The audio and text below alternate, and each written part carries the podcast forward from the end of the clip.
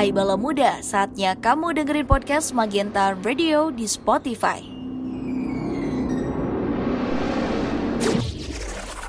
Gay boy, gay boy mujair. Nang ning nang Nang ning nang Padu di bang Bang dong ada seru Ada kita di balik pintu. Bela muda siap bersiap Untuk kemarin juga bersama Uh, 107,9 FM Magenta Radio Express Your Mind. Saling terikat bersama kita kuat. Yap, ada Tata dan Jahe Ginger di sini yang akan bagiin pengalaman horor yang sudah dibagikan juga sama Bala Muda di Secreto yang kita bagikan di Instagram magenta.radio. Jadi kali ini kita akan bahas cerita horor tentang sekolah. Benar banget. Jadi kita akan bacakan ya semua cerita yang ada di sekolah yang sudah dibagikan oleh Bala Muda. Iya, tapi kita hari ini kita sortir hanya ada dua cerita terpilih ya benar-benar bikin merinding abis. Merinding bulu romaku. Uh, so siapin nyali kamu bala muda karena kita akan menggeboykan mentalmu dengan cerita-cerita horor ini yang pastinya bikin merinding Disco. Merinding disco. Merinding Halloween. Wow, Halloween itu ya benar-benar kayak wah ini banget ya sampai menggigil lah. Izinkan aku untuk terakhir kalinya Terakhir kalinya. bersama saya bersama. Baiklah, sama-sama ya kita langsung saja masuk ke cerita Pertama. pertama. Ada bala muda. Nah, kebetulan ini juga anonim ya. Hmm. Jahe.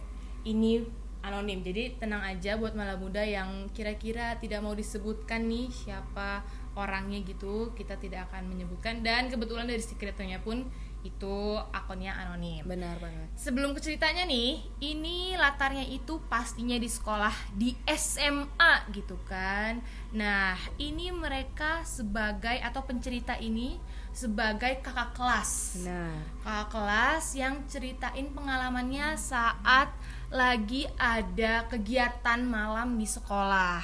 Nah, kalau misalnya kamu bala muda penasaran langsung aja dengerin ceritanya sekarang. Penasaran tapi takut. Takut banget loh. Takut banget. Takut banget tapi mau denger. Harus dengerin sekarang. Cus. Cus. Oke, ceritanya Jahe akan jadi si pencerita ya. Aku pernah nih pas SMA kan lagi pelantikan malam-malam. Anak-anak kelas 2 bakal pura-pura tidur di kelas dan anak-anak kelas 1 bakal berusaha bangunin buat cari kakak asuh.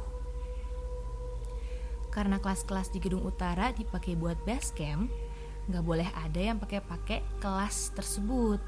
Jadi simply semuanya ada di gedung selatan atau di aula yang menghubungkan kedua gedung. Nah, di sini aku punya tugas untuk mengarahkan anak-anak. Jadi aku harus cek ruangan satu persatu di gedung utara. Takutnya masih ada yang bandel dan nggak ke gedung selatan atau bahkan ada yang nyasar karena nggak dengerin instruksi. Keadaan di situ semua kelas kosong dan posisi aku sendirian di gedung utara. Karena sekalian ngecharge HP, aku nunggu di base camp. Terus tiba-tiba temenku masuk ke kelas. Dia bilang dari tadi nyariin aku soalnya takut sendirian. Kita awalnya omongin event ini, terus dia bilang kalau selama nyari aku di gedung utara, dia ngecekin kelas-kelas gitu. Karena pada dasarnya dia penakut banget, Aku tanya ke dia, kok tumben berani sendirian? Nah, dia malah bingung dan bilang, Loh, di kelas-kelas tadi ada anak-anak yang kayaknya sembunyi kok. Mereka pura-pura tidur ngadep tembok. Sempet gue bangunin buat nanya elu. Terus pada nggak jawab. Nah, aku makin kaget dong. Aku bilang ke dia, sejak kegiatan nyari kakak asuh dimulai, yang ada di gedung utara cuma aku doang. Kan emang pada dasarnya gedung utara nggak kepake. Dia jadi panik, terus tanya, Lah, yang gue bangunin tadi siapa dong? Terus dia narik aku buat cepet-cepet ke aula biar ada orang. Di sini dia masih takut tapi nggak percaya kalau aku beneran sendirian. Dia kira aku ngibul karena tahu dia penakut. Jadi dia ajakin tiga temen lagi untuk ngecek bareng-bareng dan beneran dong, emang nggak ada siapa-siapa. Jejak keberadaan mereka pun nggak ada. Kayak misalnya abis tiduran di lantai kan mestinya geserin kursi lah. Atau biasanya ubinnya kerasa agak anget kan. Pas dicek masih dingin banget. Dan posisi barang-barang masih sama kayak pas aku ngecekin kelas-kelas tersebut. Plus nggak mungkin dong aku nggak denger kalau ada suara orang mindahin barang-barang. Oh btw sebenarnya di malam yang sama ada juga temenku yang ketempelan ampe pingsan. Terus mesti tanda kutip diobatin gitu ada juga yang jaga di UKS dengar bisik-bisik dari luar kan kalau lewat jam 11 malam gak boleh berisik pas mau ditegur pintu UKS dia buka ternyata nggak ada siapa-siapa dan suaranya hilang. Oh my god. Wow.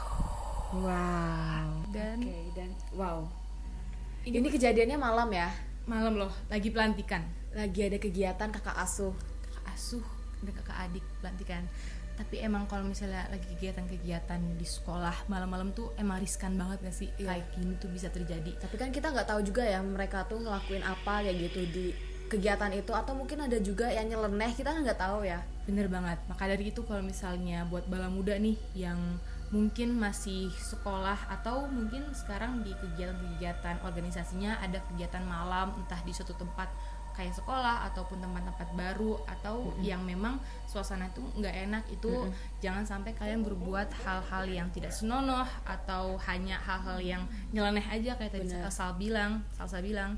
Jadi pokoknya tetap menjaga lah kalau tidak mau diganggu kita harus juga menjaga kedamaian yang ada di tempat yeah, tersebut. karena kan bukan cuma kita doang ya yang ada di sekolah.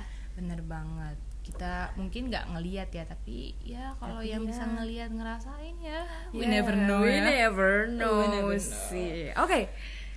selanjutnya ada cerita yang lebih menyeramkan lebih menggambarkan sosoknya gimana wah ini suaranya gimana aduh ini pasti epic banget sih epic banget untuk episode kali ini oke itu tempatnya di mana dulu nih Sal? jadi tempatnya itu di pesantren pesantren masih sekolah iya, ya pesantren masih sekolah. Islam benar. Okay kejadiannya dia mau ngaji bersama temen-temennya mm -hmm. tapi kejadiannya nggak semua temennya yang ikut ngaji.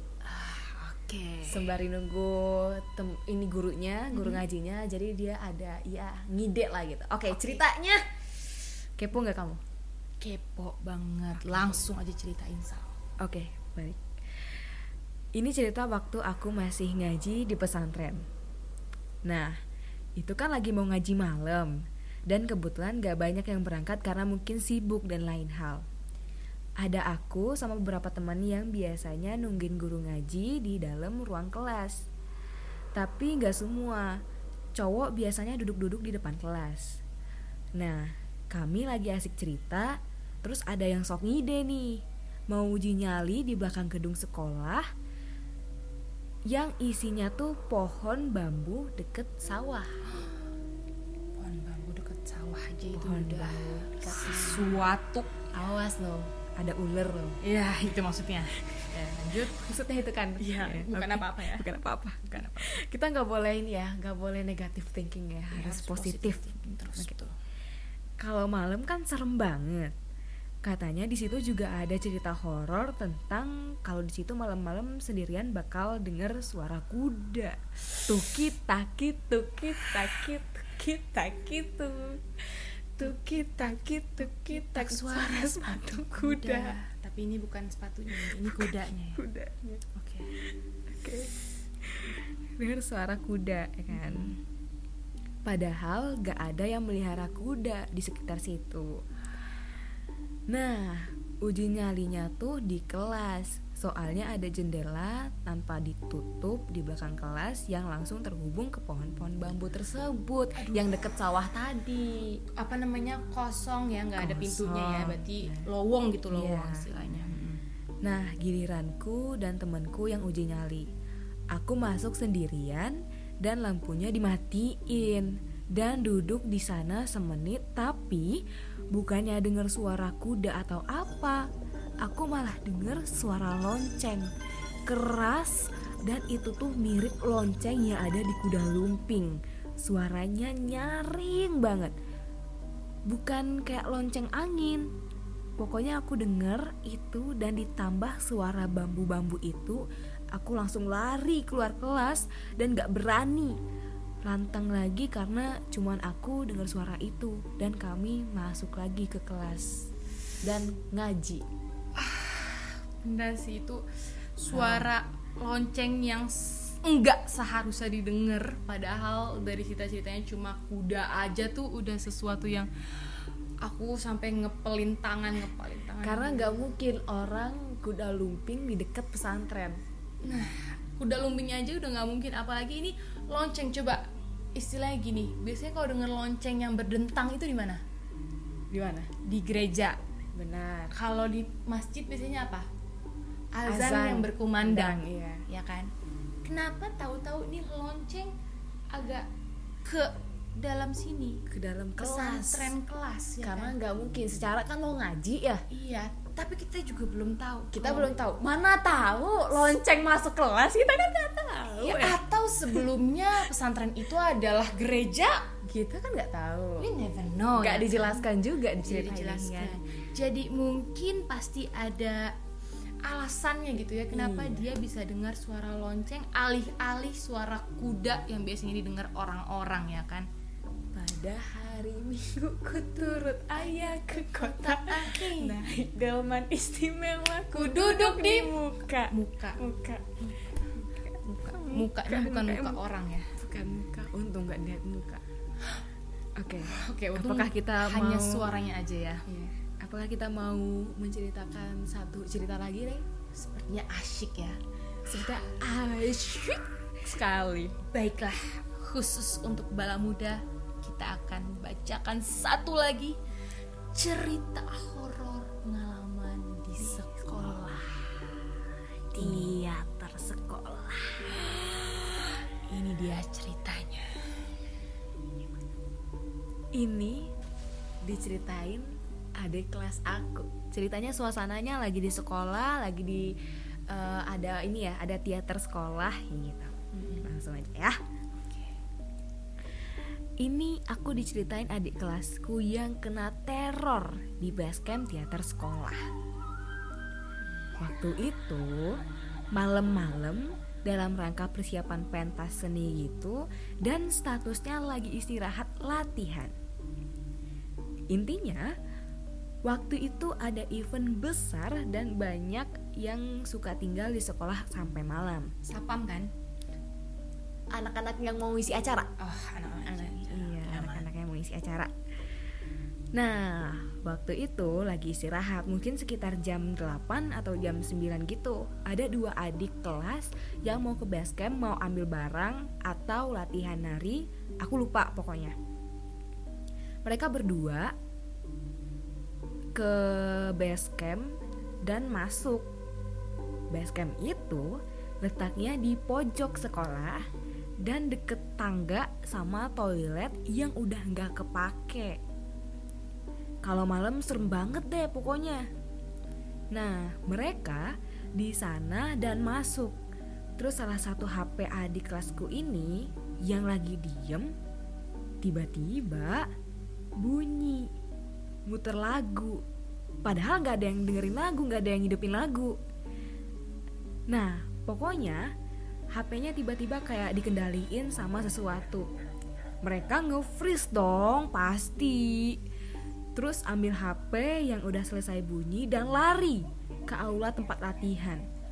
Pintu basecamp gak dikunci dan lampu gak dimatiin, tapi kelas-kelas di sebelahnya itu terkenal horor.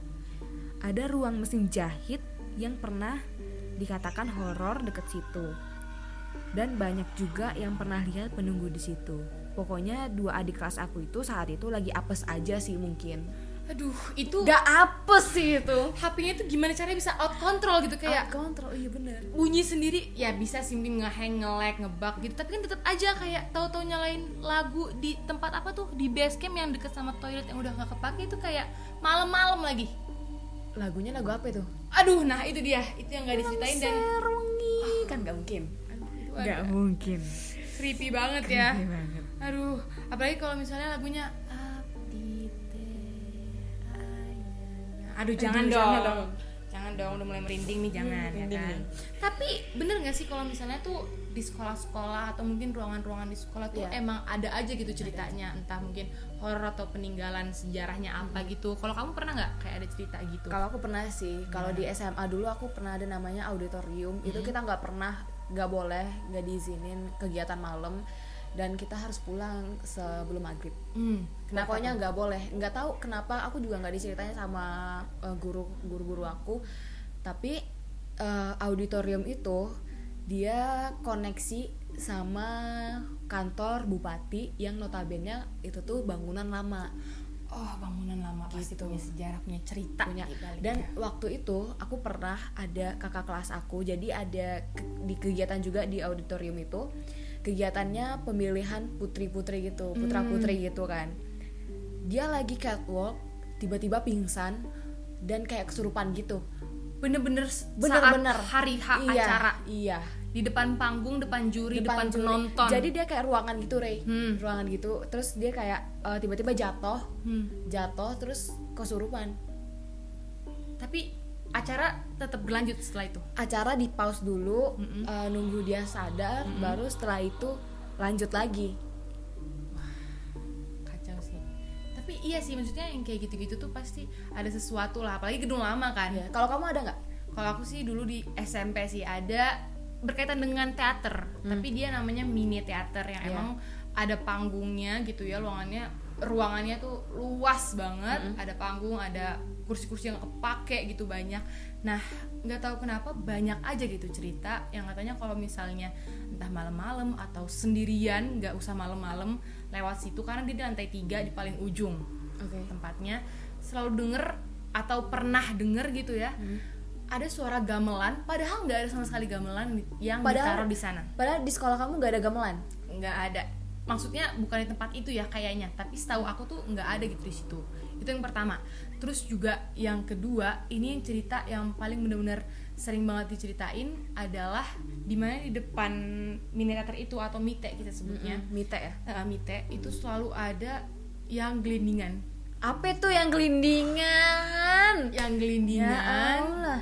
Dan dikirain kan bola ya? Iya. Nah pas dideketin kepala orang. Sumpah. Hmm. Itu satu orang doang yang lihat atau banyak yang cerita banyak dan yang selalu di apa ciri-cirikan dikategorikan gitu tuh selalu sama gitu. Aku nggak ngerti gimana caranya tapi mereka kayak selalu tahu aja gitu itu kepala orang dari yang fisiknya seperti apa gitu. mampus. Sumpah gue Iya. merinding. Iya Gua sumpah gue juga merinding. merinding. Merinding beneran.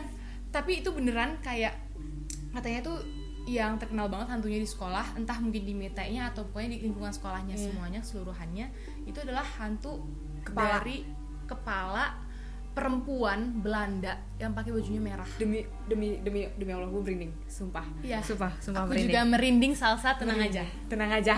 Tenang aja. Tenang aja karena kita lagi di rumah. Rumah. Rumah. Tenang. Masya tenang. Allah. kita agak peregangan dulu. Peregangan dulu ya. Ya, satu dua tiga empat. Bentar agak kecetit maaf. Iya. ya lanjut dulu ya. Nah kayak gitu. Maksudnya ya pasti kan ada ya cerita-cerita kayak gitu. Makanya tadi ini berhubungan sama yang pertama sih. Jangan sampai kita tuh ngelakuin hal-hal yang sebenarnya udah tahu tuh nggak boleh atau Iya. nggak usah mancing-mancing lah. Kalau Iya. misalnya emang kamu tuh nggak tahu atau kamu tuh eh, hanya penasaran aja. Karena kan kayak misalnya kita nih kalau dari cerita aku dan salah satu kita tipenya yang enggak atau belum jangan sampai sih merasakan Iya. langsung ya kan? Sama sekali aku nggak pernah ngerasain dan ngelihat pun belum pernah. Tapi jangan sih. Kalau jangan. kamu gimana? Jangan sampai ya kan kayak yang tadi aku bilang sampai hingga waktu. nggak udah di balik pintu. Harus horor uh, Harus sakit kepala. Eh ini tuh jangan sampai kita tuh ya itu mengganggu tadi. Kalau tadi kan emang dasarnya kita nggak pernah juga dan emang nggak ingin melakukan hal-hal Iya. yang sekiranya memancing hal-hal tersebut Iya. untuk kita rasakan ataupun lihat gitu ya. Tapi kalau misalnya bala muda sendiri gimana nih? Apakah kamu itu pernah merasakan langsung selain yang udah dicita-cita ini di Secreto dan apakah memang kamu percaya gitu kalau misalnya yang mereka pernah lihat pernah rasakan itu bener ada gitu kan beneran ada makhluknya. Nah, apakah ada. menurut bala muda beneran ada? Beneran ada jadi nggak cuma kita aja gitu di dunia ya, ini. gak cuma manusia doang. Nggak cuma manusia maksud aku. Nah tapi bala muda itu tadi tiga cerita, tentang pengalaman horor di sekolah versi bala muda di balik pintu kali ini nah buat kamu bala muda yang belum kita bacain jangan, jangan sedih Yes. karena kita akan ada banyak banget podcast-podcast selanjutnya tentang di balik pintu dan segmentasi segmentasi segmentasi lainnya nih program lainnya yang pastinya harus kamu ikutin dengerin dan stay tune terus. Di mana? Di Instagram kita ada magenta.radio kalau TikTok kita ada di mana? Ada Magenta Radio 107 titik 9 kalau di Twitter kita ada di Magenta Radio. Nah, tadi juga Instagram kita satu lagi ada @max underscore production. Nah, di situ lagi ada acara besar banget ini sih yang akan mengguncangkan harus seluruh dunia. harus kamu stay tune banget Bala Muda karena dari acara ini banyak benefits dan juga hadiah-hadiah yang pastinya berguna banget apalagi buat kamu yang tertarik di bidang broadcasting. Langsung aja announcer. Langsung aja kamu follow dan ikutin terus perkembangan apa yang akan ada di Max underscore production. Benar banget. Dan jangan lupa untuk uh, dengerin kita selalu di Spotify kita juga ada di Magenta Radio dan Anchor kita juga ada di Magenta Radio. Oke Bala Muda, sekian aja cerita dari kita dari Tata dan Jahe Ginger di balik pintu kali ini. Jangan lupa untuk selalu stay tune di Instagram dan semua sosmed yang ada Magenta Radio. Mohon maaf apabila ada kata yang salah ataupun menyinggung kamu bala muda. Apakah kamu sudah merinding? Ya. Merinding bulu kuduk. disco, I, want you. I need you. Oke Bala deh, Muda. Terima kasih. Bye bye. Sampai jumpa di lain waktu. Bye.